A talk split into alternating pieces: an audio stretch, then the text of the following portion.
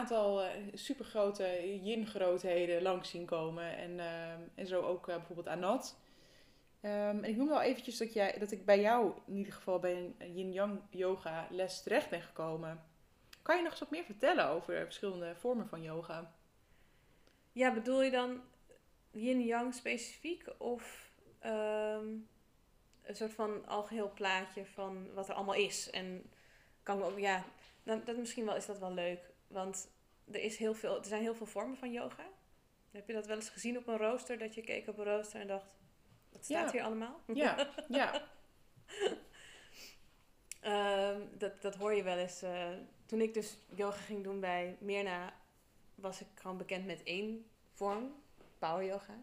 En dat was ook een beetje de enige, als ik het zo begreep. Nou, het was de enige die je kende. Maar er was, uh, er was ook wel meer. Maar het was veel uh, mensen met een studio aan huis. Of je had ook Jivamukti yoga bij Swaha Yoga. Ken je Swaha? Ja. En Swaha is denk ik de oudste yoga studio van Amsterdam. Oh, grappig. Ja. In de Nieuwe Willemstraat. Maar die kende ik niet. Had ik ook niet gevonden. Um, en uh, die geven uh, Jivamukti yoga. En dat is een yogavorm die is ontwikkeld in New York. Mm-hmm. In de jaren, denk de jaren 80, 70, 80. En um, Tribe Yoga, waar ik les geef en waar je ook yoga hebt gevolgd. Uh, de eigenaar van Tribe Yoga heeft ook uh, Jivamukti Yoga uh, gestudeerd en geeft Jivamukti Yoga. En dat is eigenlijk um, ook flow. Dus eigenlijk komen we weer bij Vinyasa en Power Yoga. Maar is Jivamukti Yoga eigenlijk een soort algeheel pakket. Het wil namelijk uh, veel meer die, uh, uh, ja, als ik het op die manier kan zeggen, die spirituele aspecten veel meer integreren in een les. Dus je doet niet alleen maar een, een, een serie houdingen en ademhalingstechnieken, maar er wordt ook mantra gezongen, er wordt altijd een verhaal verteld. Mantra zingen? Ja. Wat is dat? een mantra zingen is eigenlijk een van de, is heel oud. En mantra zingen is een van de vormen, eigenlijk een meditatievorm die je aandacht naar binnen brengt en energie um, opwekt in je lichaam. En een, een, uh, mantra zingen kan je heel erg in een meditatieve toestand brengen. Mm-hmm. En uh, dat betekent niet dat het iedereen in een meditatieve toestand brengt, of dat het voor iedereen is per se is weggelegd, of dat het iedereen iets, iets. Sommige mensen hebben helemaal niks met mantra zingen. Maar net als hè, je, je kiest een spirituele techniek uit. Kan je eens een voorbeeld noemen van een mantra? Uh, ja, zeker. Ik, ik ken er heel veel. Um, je hebt mantra's die je bijvoorbeeld start uh, of, of, doet aan het begin van een les. Dus Ashtanga Yoga heeft een mantra die altijd wordt gedaan aan het begin van een les. Maar je kunt ook een mantra zingen bijvoorbeeld tijdens de yoga opleiding te, om, de, om de dag te openen. Mm-hmm. Maar je kunt ook gaan zitten in meditatie en een mantra nemen en dat continu herhalen. Om Namah Shivaya, Om Namah Shivaya, Om Namah Shivaya. Of uh, Om Namo Bhagavate Vasudevaya. En dat continu herhalen. Uh, en doordat je je concentreert op puur en alleen maar dat mantra, verstilt het bewustzijn en kom je in een, in een flow. Maar je hebt ook mantra's die veel langer zijn. Um, en die kun je dus op, je kan op verschillende manieren inzetten. Je hebt ook chakra meditatie met bija mantra. Mm-hmm. En dat zijn eigenlijk klanken die je koppelt aan iedere chakra, waardoor je eigenlijk een soort van energievibratie in, in die chakralagen brengt. Mm-hmm.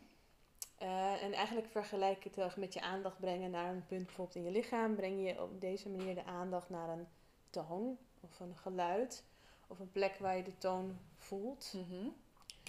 Um, en mantra zingen wordt, wordt nog steeds heel veel gedaan, maar in, in, mantra zingen is voor veel mensen ja, minder gewenst of iets verder van hun bed, waardoor het in, in gangbare yogalessen minder wordt gedaan. Gebruik jij het? Om. Wij hebben oh. om, het, om is een mantra. En ik zou eigenlijk wel meer mantra willen zingen. Um, alleen, ja, het is, het is wel... Ik ben ook heel erg van het niet uitsluiten.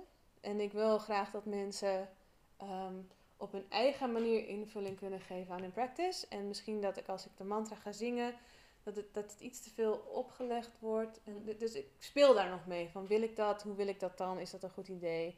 En oom is eigenlijk een heel perfect middel. Want het is een kort moment. Uh, mensen kunnen het doen, mensen kunnen het niet doen. Je kunt het hard doen, je kan het zacht doen. Um, daar zit al heel veel vrijheid in. En Dus dat is een mooie manier. En soms ehm, een, wat, wat simpeler mantra aan het eind.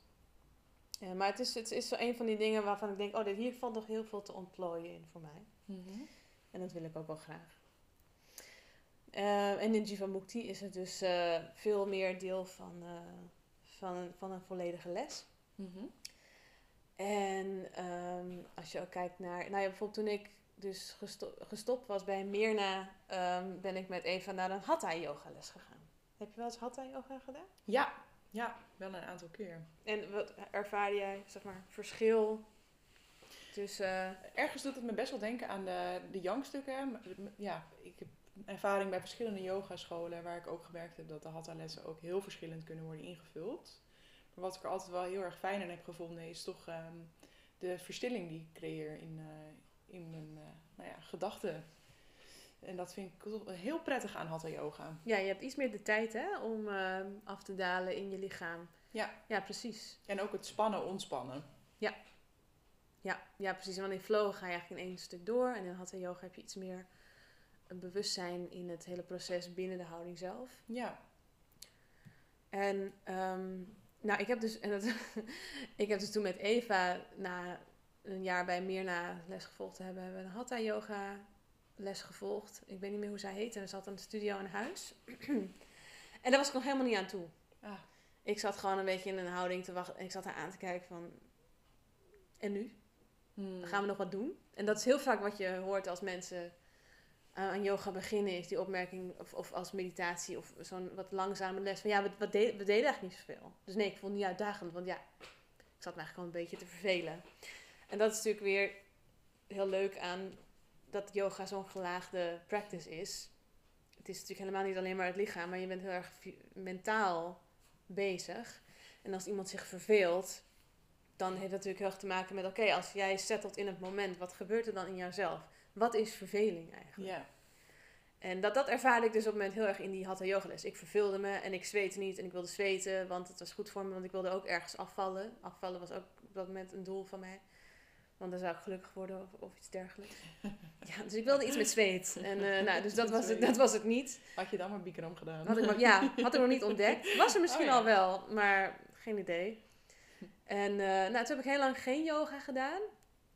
En op een gegeven moment heb ik weer een, een leuke power yoga les gevonden. Niet in Amsterdam, maar daarbuiten. Want ik was eh, op dat moment was ik heel veel bij Chris en die woonde toen eh, in de omgeving van Utrecht. En daar vond ik toen een hele leuke yogales. En daar heb ik echt heel, had ik maar had ik een kleine groep en daar heb ik veel techniek geleerd. Mhm. En op een gegeven moment verhuisden we naar eh Buitenveldert. En daar ben ik toen eh, les gaan volgen in de, in de fitnessschool. En daar eh, gaf Skadi van Paasje les. Hmm. Heb je al eens gehoord van Skadi? Nee. En Skadi, die, dat is een hele leuke, hele leuke docent. En ehm, geeft yin yoga, geeft flow yoga, geeft van alles en nog wat, geeft ook opleidingen. Werk, geeft nu les bij de yo- yogaschool en Delight Yoga, geloof Ah. ik. Ja. En zij gaf toen ook eh, dus elke week flow. En bij haar ging ik helemaal los. Ik vond het Ja, helemaal ja. geweldig. Hmm. En ze gaf ook yin yoga. En toen heb ik op een dag een yin yoga les bij haar gevolgd. Mijn eerste yin yoga les. En dat was weer zo'n moment van... Wat is dit? En wat is dit verschrikkelijk? En wat doe je me aan? En wat is dit stom? En mag ik nu weg? Kun je je voorstellen dat je hierin was blijven hangen? Ja, ja Waar precies. waren we dan nu? Niet hier. Nee, totaal niet. En ik, nee. En Maar dat is het grappige. Dat ik altijd dacht van... Oké, je vindt het dus super stom en naar vervelend. Nou, ga het nog maar nog een keer doen dan. Hmm. Daar zit dus wat. Ik was gewoon heel erg op zoek naar... eh, de deur naar mijn lichaam. Ja. Ik, was, ik woonde totaal niet in mijn lichaam. Mijn lichaam was zwaar, mijn lichaam was kwetsbaar. Ik voelde heel veel stress, ik had heel veel spanning en ik wilde dat doorbreken. Ik zag allemaal die mensen die. Ik, ik, ik zag heel veel mensen om me heen die veel sporten. Ja. Die waren heel, dit vonden ze lekker. ja, ja. Lekker sporten. Oh, heerlijk, lekker bewegen. Lekker, Spinning. lekker in je lijf. en ik dacht alleen maar, oh, ik haat bewegen en ik haat sporten. En mijn lichaam doet alleen maar zeer en het is alleen maar zwaar en ik vind het vervelend en naar. En sowieso had ik in die tijd dat ik dacht, waarom... Ik, ik- voor mijn gevoel werd ik ook minder spontaan. Dus mentaal gebeurde er ook wat. Er was een soort vlammetje wat zowel lichamelijk als mentaal een beetje aan het doven was. Dat ik dacht, Mm. waarom gebeurt het nou? Ik had geen idee. Maar ik had wel het idee dat mijn lichaam de deur was naar die, iets doorbreken. Ja. Het klopte gewoon niet dat ik rond mijn 20ste, 21ste me zo slecht voelde in mijn lichaam. En zoveel stress had. Zo gepre gepreoccupeerd met mijn gedachten dat ik dacht, ik moet hier wat mee, ik wil hier wat mee. Ja. En toen ben ik gewoon heel veel yoga gaan doen. Bij Skadi eh, en ook toen bij Delight Yoga, bij haar Ashtanga Yoga gaan doen. Om nou eens dat te door- doorbreken in mezelf. En hielp dat? Dat hielp. Maar ik moest mezelf natuurlijk wel eerst blesseren. voordat het hielp. Want ik gebruikte mijn spieren heel slecht. Want ik had weinig contact met mijn lichaam. Want mijn fascia, bindweefsel, was heel stug. Mijn zenuwen waren heel... Ja, ik had echt het idee... Ik denk echt dat mijn zenuwen ehm, hele slechte verbindingen hadden met... Ik voelde heel, ik voelde heel weinig. ja. Ik voelde echt heel weinig. En eh, op een gegeven moment heb ik dus mijn pols geblesseerd. Maar dat was ook tegelijkertijd met dat ik in een soort halve burn-out terecht kwam. eh, na mijn eerste baan, die, ehm, die nogal stressvol verliep. Dus er kwamen allemaal dingen samen. En, eh, en op een gegeven moment ben ik Bikram yoga gaan doen ook. Ah. Eh, de, de, de zweet yoga Hmm. in, eh, in de, op de centuurbaan. En dan zit je in een soort van warme ruimte, toch? En eh, Bik- Bikram yoga is eigenlijk, komt uit Los Angeles. En je doet Warm. dan Ja, maar dat komt eigenlijk. Ik denk dat Bikram is dat geloof ik gaan doen omdat in India het altijd heel heet is. Ja. En ehm, ik weet niet of dat voortkwam uit de overtuiging dat stretchen altijd beter is in een hele, hele hete ruimte, want dat is niet per definitie zo. Maar in ieder geval wilde hij geloof ik ehm, eh, India mimieken en die, en die, om- die, en die situatie eh, creëren. Een extra sensatie toevoegen, als het ware. Ja, een extra uitdaging of gewoon het hoort in hitte te gebeuren of extra ongemak. Ik weet niet precies wat Ja, het is, maar in ieder geval ongemak. zat wel een heel, ook dat het heel gezond is. Hè? Ik bedoel, in hitte, het is ook goed voor je immuunsysteem, maar ja, je kan alles te veel doen, Ja. natuurlijk ook. En eh Bikram is een beetje af en toe zo'n gevalletje. Eh, ook omdat vroeger waren ze best wel intens in de instructies. Verder, dieper, harder, nog meer. Eh, tegenwoordig als ik naar Bikram yoga ga, is dat iets getemperd. Ook door de toegenomen kennis van het lichaam. En dat je je bindweefsel toch echt wel een beetje kan beschadigen. En dat alles maximale vragen van je lichaam niet altijd de bedoeling of heel oké is voor je. Eh, en ja, wat het mij dus bracht, ik dacht van oké, dit is super ongemakkelijk, dit wil ik doen. Ik denk dat hitte heel goed voor mij is. En ik denk dat ik deze uitdaging gewoon aan wil gaan. Ook om die, dat in me, dat, om die zwakte, ik voelde me wel zwak om die zwakte aan te gaan. Oh, ja. En, eh, maar eigenlijk was het, dat hielp me al enorm in, in het, het, het leren voelen Mhm. en het leren aangaan van die innerlijke nee die ik altijd maar ervaarde. Maar yin yoga was eigenlijk eh, de practice die mij het sterkst confronteerde met die innerlijke nee. En ook het bindweefsel op een zodanige manier ehm, veranderde, waardoor ik meer ging voelen Hmm. en soepeler werd. En ik heb, dus ook, ik heb ook toen geleerd dat als je soepeler wordt, word je, kan je ook sterker worden. Want een gezonde spier of gezond bindweefsel kan zowel samenspannen, aantrekken, als ontspannen. Het kan het allebei. Hmm. En het moet het allebei kunnen. Dus mijn bindweefsel was te droog en te stug. Yin yoga hydrateerde dat eigenlijk weer, waardoor ik die spieren ook weer beter kon aanspannen. Kijk. Dat waren allemaal van die realisaties die ik onderweg deed. En toen ik dus yin yoga veel meer ging integreren in mijn leven, werd Bikram ook toegankelijker. En ging ik, ging ik daar kracht en doorzettingsvermogen kweken. En in yin yoga kweekte ik geduld en die innerlijke blik.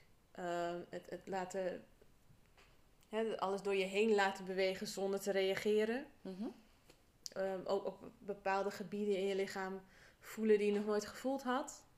Bepaalde pijn in je lichaam voelen die ik nog nooit gevoeld had. Mhm. Emoties die gekoppeld zaten aan die fysieke pijn opeens zien. En Dat, was, ehm, dat waren echt doorbraken. En daar heb ik nog wel één heel voorbeeld van wat heel veel heeft veranderd voor mij. Is eh, mijn eerste yogaopleiding.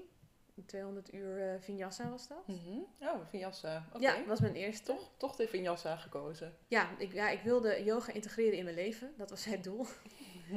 Na mijn hele avontuur met eh, nou, power yoga en eh, Nail dit. Bikram en, en eh, Yin. vinyasa en, en, en een beetje yin, maar dat vond ik toen nog niet zo leuk. Maar ik dacht wel, dat moet ik iets mee doen. Maar ik dacht, nou, ik moet, wilde nu gewoon induiken, dus ik ga die opleiding doen. Eh, bij ehm, Johan Norloos en Marcel van der Vis. Johan Norloos heeft nu de nieuwe yogaschool hè, een aantal jaar. Ja. En Marcel van der Vis is eh, samen met Anat de Vet Yogis. Ah ja. En zij werkten toen samen. En zij hadden de yogaopleiding. En Anat die gaf één weekend eh, yin yoga workshops. Hey. En ik kende Anat nog helemaal niet. En we hadden examens gedaan. Dat was het ene laatste weekend of het laatste weekend. En we hadden examens gedaan. Dat betekende dat je met iedereen meedeed. Met alle lessen. Basically. Dat is fijn, denk ik. Best intens. Ja, Ja. ja. en het was vinyasa, dus het was ook best wel intens. Oh, dus dat is inderdaad een dus, dus dat was zaterdag. En Ja. zondag hadden we dan de yin workshop. Oh, oké. Best lekker. dat lijkt me heel fijn. Ja, ik had er geen zin meer. Ik had geen zin meer in yoga. Ik vond het echt... Nee, ja, dus... eh, Een overkill. ja, nee, ik had gewoon geen zin meer. Ik wilde ik, mijn lichaam reduceren. Ik wilde niks meer. Dus, en Annat, ik wilde wel heel graag naar haar luisteren. Want het- ik had toen al ontdekt... Oké, naar Annat luisteren is het beste wat er is, zo'n beetje. Praat maar, ik zit hier. Ik ontvang alles, eerlijk. Eh, maar toen gingen we yin yoga doen. En ik dacht helemaal, nee, ik, ik ga gewoon hier zitten. En ik doe wel alsof ik meedoe. Ah ja. Gewoon doen alsof. Nou, laat dat nou heel erg goed passen bij Yin. Want zij stelde een houding voor. En ik dacht, nou weet je wat, ik- ik doe gewoon deze houding een beetje zo. En dan ga ik gewoon hier een beetje zitten. Ik ga niet stretchen.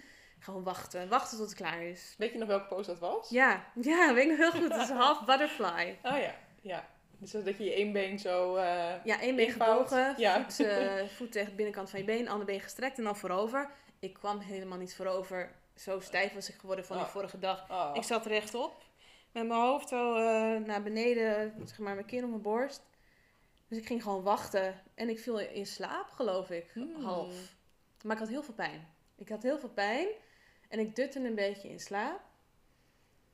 En op een gegeven moment hoorde ik haar zeggen dat we eruit gingen. Of ik hoorde haar belletje. En ik hoorde dat heel ver weg.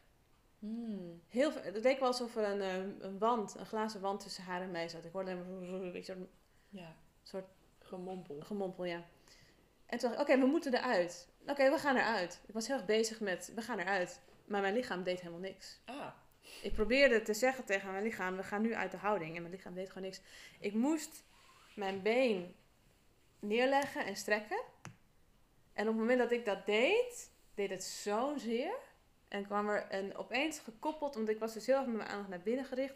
Gekoppeld aan die fysieke sensatie van enorme pijn. Echt een soort, ook een soort slachtofferschap kwam daarbij kijken. Een soort, waarom overkomt het pijn? Pijn. En toen kwam er een soort emotie uit die heup omhoog. Tintelingen door mijn hele lichaam. Een soort shocking, schokkende bewegingen. Dat ik moest leunen en op gegeven moment, oh, je moet gaan liggen. Hoe? En toen heb ik mezelf maar op mijn mat gegooid, geloof ik. en toen dacht ik, oké, ik voel nu iets heel... Ik weet nog dat ik dacht, oké, je gaat nu met je aandacht naar dat punt waar je dit voelt. Nu. Toen ging ik daarheen. En toen kwam er echt een lading emoties en herinneringen los. En toen lag ik denk ik uh, eerst vijf minuten in die herinnering met die emoties. Iets in mij zei, wow, dit is heel bijzonder. En het andere zei mij, oh my god, dit is verschrikkelijk. En toen dacht ik, nee, ik, laat het hele, ik ga er gewoon helemaal in. De ravel rond. De ravel rond. En toen heb ik denk uh, een uur lang gehuild op mijn yogamat. Oh. Wat niks voor mij was. Welkom bij Yin Yoga. Welkom bij Yin Yoga. Nou, Annat zelf had echt zoiets van, wat gebeurt hier? You okay? Ja, nee, ja, die heeft echt wel wat ervaren, maar die had echt iets wel gedaan. Maar op een gegeven moment kwam hij naar mij toe, want ik hield me niet op. En die tilde mijn benen op en die drukte mijn knieën tegen mijn borst aan. Mm -hmm. En toen opende ik mijn ogen en toen zag ik haar. En toen keek ze echt heel liefdevol naar me terug. En het werd alleen maar veel erger. ja. De ruimte. en, maar toen ben ik iets kwijtgeraakt. Mm. En, uh, maar het grap, ik was in mijn, heel erg in mijn ego in die opleiding. Ik ben heel ge geconfronteerd met mijn ego in die negen maanden. Iedereen zag het ook heel erg. Behalve ik, jij? Ja, behalve ik. Nou, ik. Ik heb het altijd wel gezien. Mm -hmm. Dat ik heel erg... Ik deed alles heel erg vanuit een heel erg ego-achtige plek. Je wilde iets bereiken? Nou, ik was heel erg angstig. Ik was heel onzeker. Ja. Dus de overcompensatie dan? Pff, enorm. Ik had mezelf heel erg geleerd om mezelf heel erg aanwezig te maken en heel luid. en druk. Goh, herken je dit misschien? Nee. Ik heb nog... Eh, maar altijd, dus het putte me ook enorm uit. Dus die stress die ik ervaarde, die kwam heel erg voort uit dat ik altijd maar mijn ego aan het opblazen was om geaccepteerd te worden. Maar ik werd juist niet geaccepteerd daardoor. Ik werd juist Mhm. heel erg... Mensen duwden mij heel erg weg omdat ik te veel was. Wat ik Mhm. heel erg snap. Hmm. maar dat op, vanaf dat moment was dat eraf. Wauw. Eh, en had ik ervaren dat, dat je ook best kunt, kan ontspannen met andere mensen. Want het was ook voor het eerst dat ik dat liet zien. Ik, wil, ik was heel erg bang dat de mensen die zaten van... Oh, ze wil zich speciaal voelen. Of eh, oh, ze doet weer alsof ze heel bijzonder is. De, die angst zit mij altijd wel heel erg. Mhm. En eh, op dat moment had, was alles... eh, alle verdedigingsmechanismen waren weg. Dus ehm, Het gebeurde. dat gebeurde gewoon. En het was echt niet, niet een bewuste keuze. Nee. En, en anderen accepteerden mij daardoor meer. Ja. En opeens dacht ik, oh wacht eens even. Wat nou als je ontspant bij anderen? Wat gebeurt er dan? Hmm. Kan je misschien ontspannen bij andere mensen zonder je helemaal op te blazen? Ja. En, en, dat, en eigenlijk, doordat ik dat ben gaan doen, was ik nooit meer zo moe. Want je wordt heel moe van de schijn op. de schijn. Ja. Zo. Hmm. Dus daarna hield ik bakken met energie over voor andere dingen. Was een yin-opleiding. Dat was een opleiding. Maar ik moest eerst nog even in een burn-out komen. Oh. Ja, de algehele afrekening met alle schijn. Ja. Maar dat, had de andere, dat was gewoon door heel hard werken en je, en je andere leven nog heel erg in leven willen houden. Maar ook met gewoon bezig gaan met, met dieper liggende. Ik denk dat gewoon yoga, als je het eenmaal dat pad op gaat, komt er gewoon op een Dan kom je, heel vaak komen mensen op een punt van algehele chaos. Mhm. Eh, je roert in een grote kookpot. En op een gegeven moment eh hussel je jezelf in chaos. Valt er wat uit elkaar. En daarna ga je jezelf weer opnieuw in elkaar zetten. Ik denk dat die burn-out en die overspannenheid. eh, dat was yoga.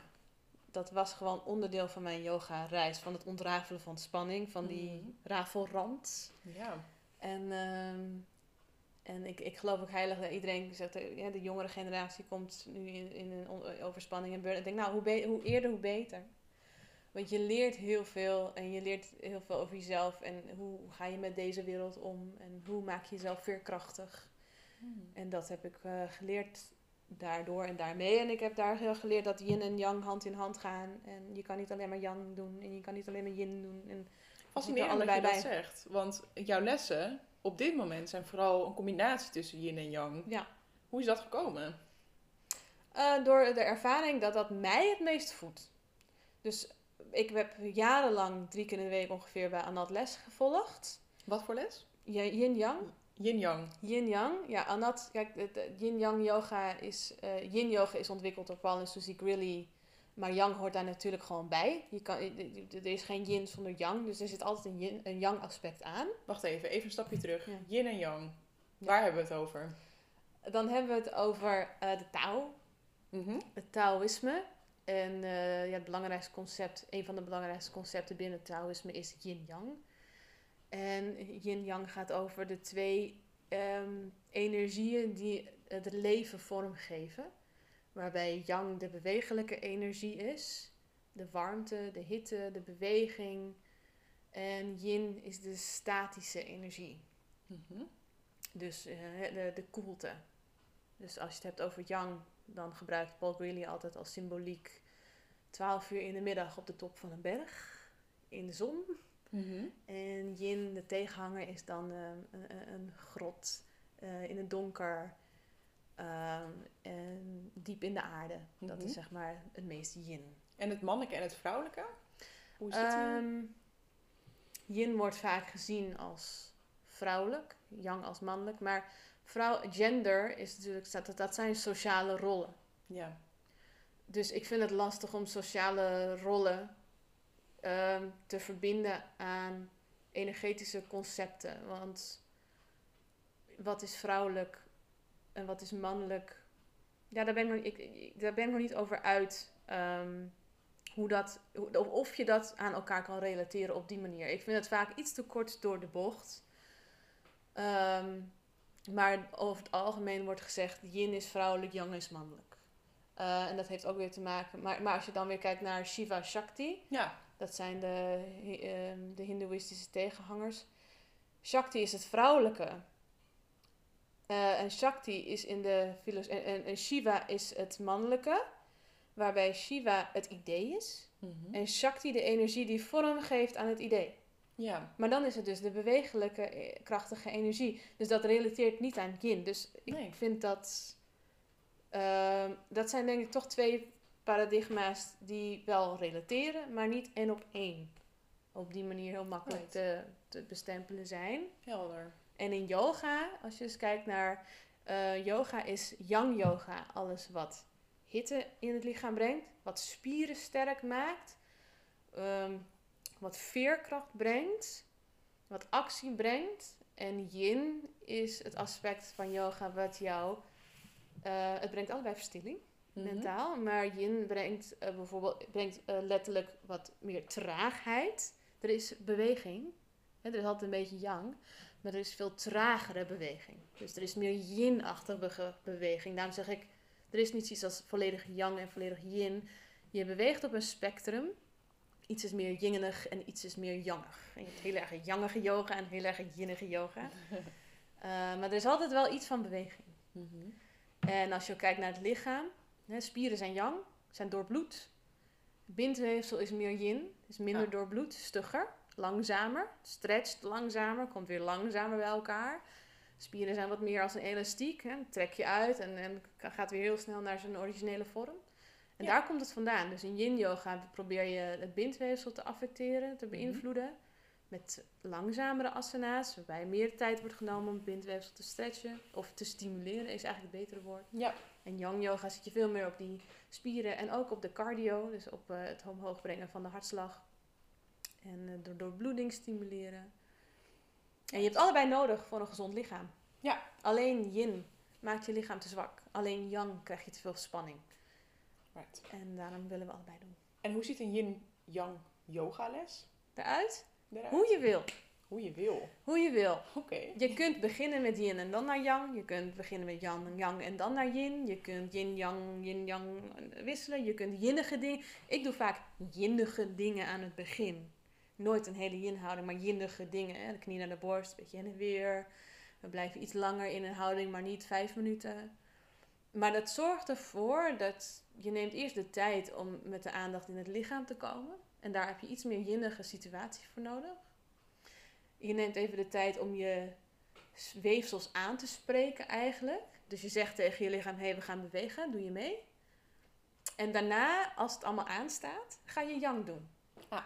En bij mij dus, daar, ik ben dat zo gaan doen, want als ik meteen yang doe, dan doet mijn lichaam niet mee. Nee. Dan ga ik in een zonnegroet en dan sleur ik alles mee. En dan, hallo buikspieren, ze doen niet mee. Ik moet eerst alles hebben aangesproken. Je maakt ruimte. Je maakt ruimte. Ah ja, maar je, maakt, je zegt ook echt, hey, kom in actie. Met nog Ja. wat kleinere oefeningen en asana's. Oh ja, dus jij doet eh yinnige dingen, maar eh, is dat dan hetzelfde als bij de yin-yang lessen van Anat? Ja, ik ben heel sterk beïnvloed eh, door Anat. En, Yes. Anat is mijn baken. En Anat is mijn voorbeeld. En Anat is gewoon mijn, echt mijn leraar. En, ehm, maar dat is ook heel erg een wisselwerking geweest tussen ja, haar en mij in de les. Ik bedoel, ik heb zo lang bij haar zoveel lessen gevolgd. Dan word je gewoon heel sterk beïnvloed door iemand. En wat ik ook net zei over het projecteren op de teacher van je eigen ervaring. Dat is natuurlijk ook heel sterk. Anat was voor mij echt de katalysator in mijn yoga-ontwikkeling. Daar heb je denk ik ook een le- yoga-leraar voor. Ja, je, je vindt een yoga-leraar eh, intuïtief, omdat die iets in jou raakt, waardoor jij eh, op alle vlakken in beweging komt. En toen ik voor, voor het eerst bij haar in de les stond, was het weer zo'n les dat ik dacht: dit is heel vervelend en naar en waarom sta ik hier? Maar nog veel meer dan dat ook. En eh, dat kwam door die combinatie van eh, yin-yang. Dat zij heel goed ja, in de vingers heeft. eh, heel veel kennis heeft ook over het lichaam en hoe dat lichaam werkt. En hoe al die weefsels samenwerken. En hoe yin en yang energie in je lichaam werkt. En En wat is dan uiteindelijk het ding geweest waardoor jij besloot, ik moet een yin-opleiding gaan volgen? Ehm, nou Nou, omdat yin dus zo'n... Toen ik eh, die doorbraak had bij Anat in de yin-les die ik niet wilde volgen, maar deed alsof. Toen dacht ik, dit is het. Dit is de weg. Mhm. Hier moet ik zijn. En ehm, ik kwam dus in die, ik kwam in die overspanning ehm, na mijn vinyasa-opleiding, toen ik heel hard aan het werk was bij een baan. En toen heb ik mij in de eerste instantie aangemeld voor een yin-opleiding bij José de Groot. Ook een ontzettende goede yogadocent. Ehm en tegelijkertijd opkomend in de yin na- naast Anat. Van wie ik ook heel veel heb geleerd. En ik heb eerst bij haar eh, een, een 50 uur yin-opleiding gedaan. Waarin ik, waarbij ik eigenlijk tegelijkertijd aan het herstellen was van mijn, van mijn eh, overspanning. Mm. En daarna dacht ik, ik wil verder en ik wil bij Anat verder. En eh, toen ben ik de yin-opleiding bij Anat gaan volgen. Ja. En daarna koos ik gewoon ervoor om alles te doen bij Anat wat zij aanbood, basically. Dus je zegt alles, maar noem eens op. ik ben op retraite geweest met Anat. Wat voor op retraite was dat? Bali. Het was een yin-yang retraite met eh, Marcel en Anat. Mhm. En het was op Bali, eh, een hele mooie plek. En waarbij we ook elke dag eh, chakra meditatie deden. Mhm. En ehm, ja, dan doe je gewoon heel veel yoga. In Ja. een hele korte periode. Toen ging ik, en het gaat, toen ging ik net in mijn overspanning en toen ontrafelde ik dat heel erg. En, ehm, en dat was denk ik, was dat mm, voor de yin-opleiding. Ja, en toen ben ik daarna de yin-opleiding bij haar gaan doen. Ze hadden destijds ook een Vinyasa level 2. En die ben ik toen ook gaan doen. En daarna heb ik eh, bij haar een yin-yoga opleiding eh, nog een keer gedaan als assistent. Ah, Dus dan ehm, ondersteun je het hele proces heel praktisch gezien. ah ja. En eh, ik ben natuurlijk ook naar Paul Greeley uiteindelijk geweest. Haar leraar, dat was vorig jaar, Paul en Suzy. Eh, maar dat was niet met Annat, die was daar niet. Maar Annat is daar wel elk, eh, elk jaar.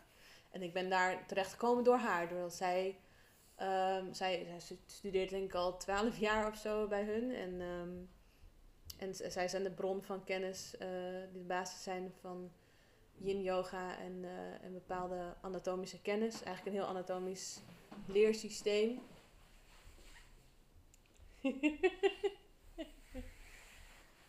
Ehm, dus, dus dankzij haar kwam ik bij hun, te- bij hun terecht. En, ehm, en ik zou het liefst nog ook heel veel bij hun leren. Maar de toekomst moet even laten blijken dat dat... eh, Want volgens mij zijn ze niet heel erg in de buurt. Nee, ze, zij zitten in eh, Californië. Ja, dat is wel...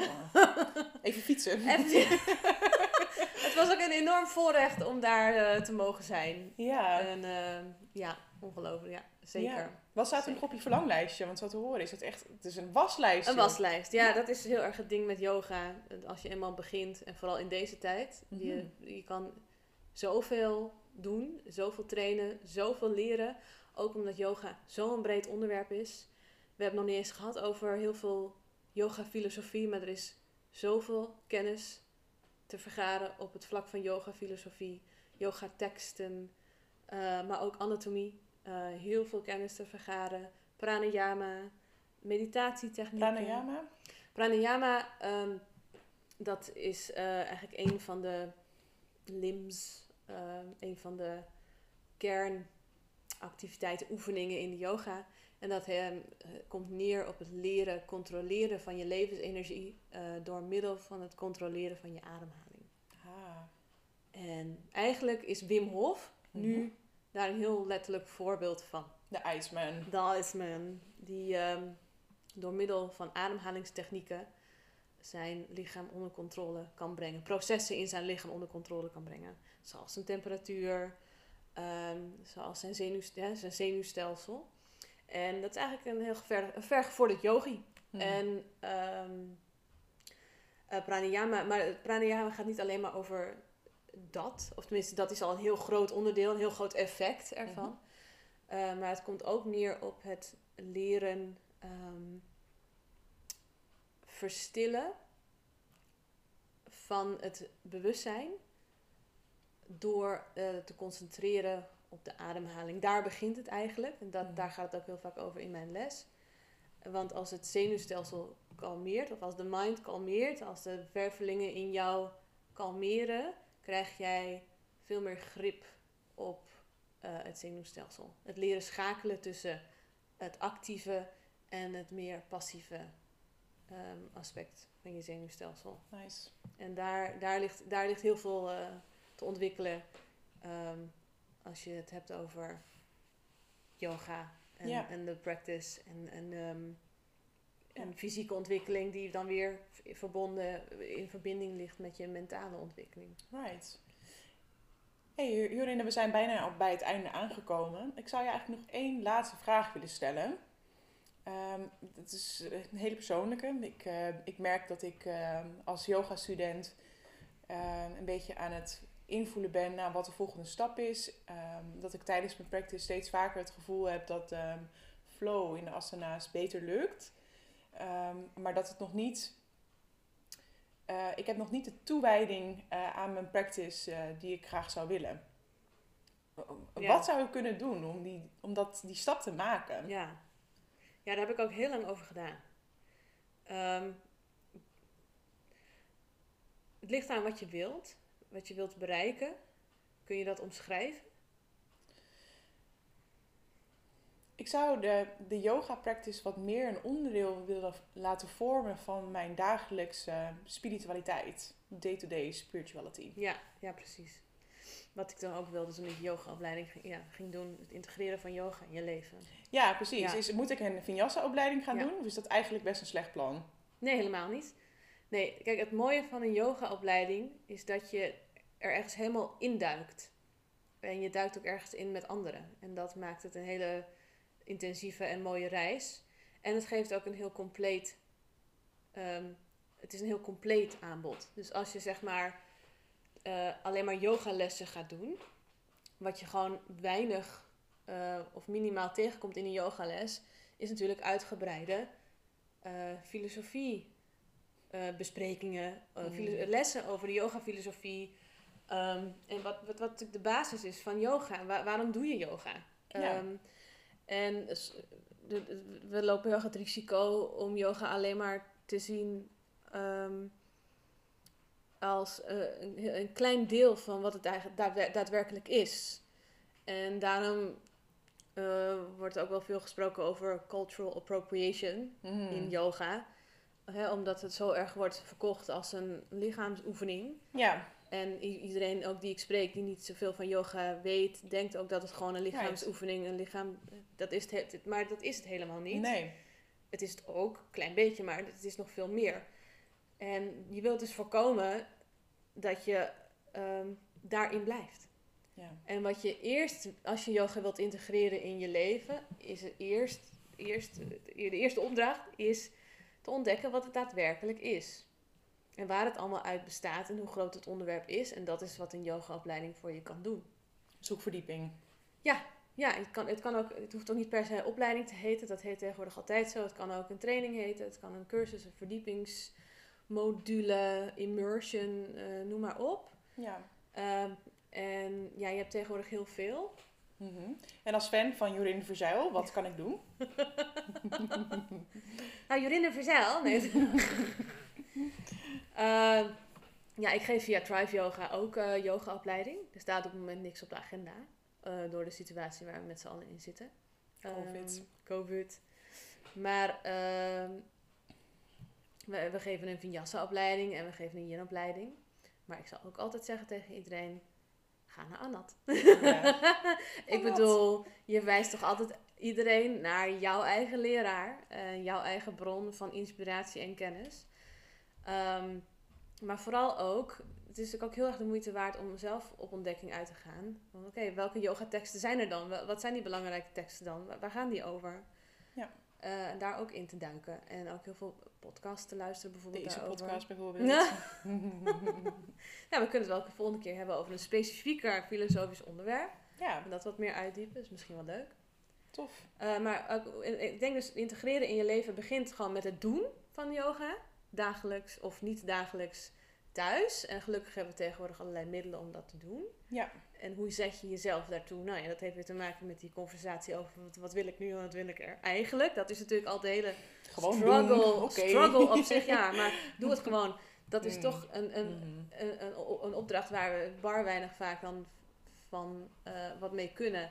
En wat dan ook op de, op de, ja, wat er kan gebeuren is dat we dan teleurgesteld in onszelf raken en dan gedemotiveerd. Het hoort er natuurlijk allemaal bij. Maar je wil een behapbare uitdaging voor jezelf eh, creëren en daar mildheid in bijbrengen. En tegelijkertijd je laten leiden door je interesse en je enthousiasme en, en gaan leren en gaan lezen en dus oriënteren op hoe kan ik verdieping aanbrengen in mijn kennis over yoga. Ja, Naast yogales volgen. Yogales volgen hoort er altijd bij. ja, Of ja, ja, thuis op de mat klooien, ook goed. ja. Maar yogales hoort er altijd bij. Het is niet het enige. Nee. Alright.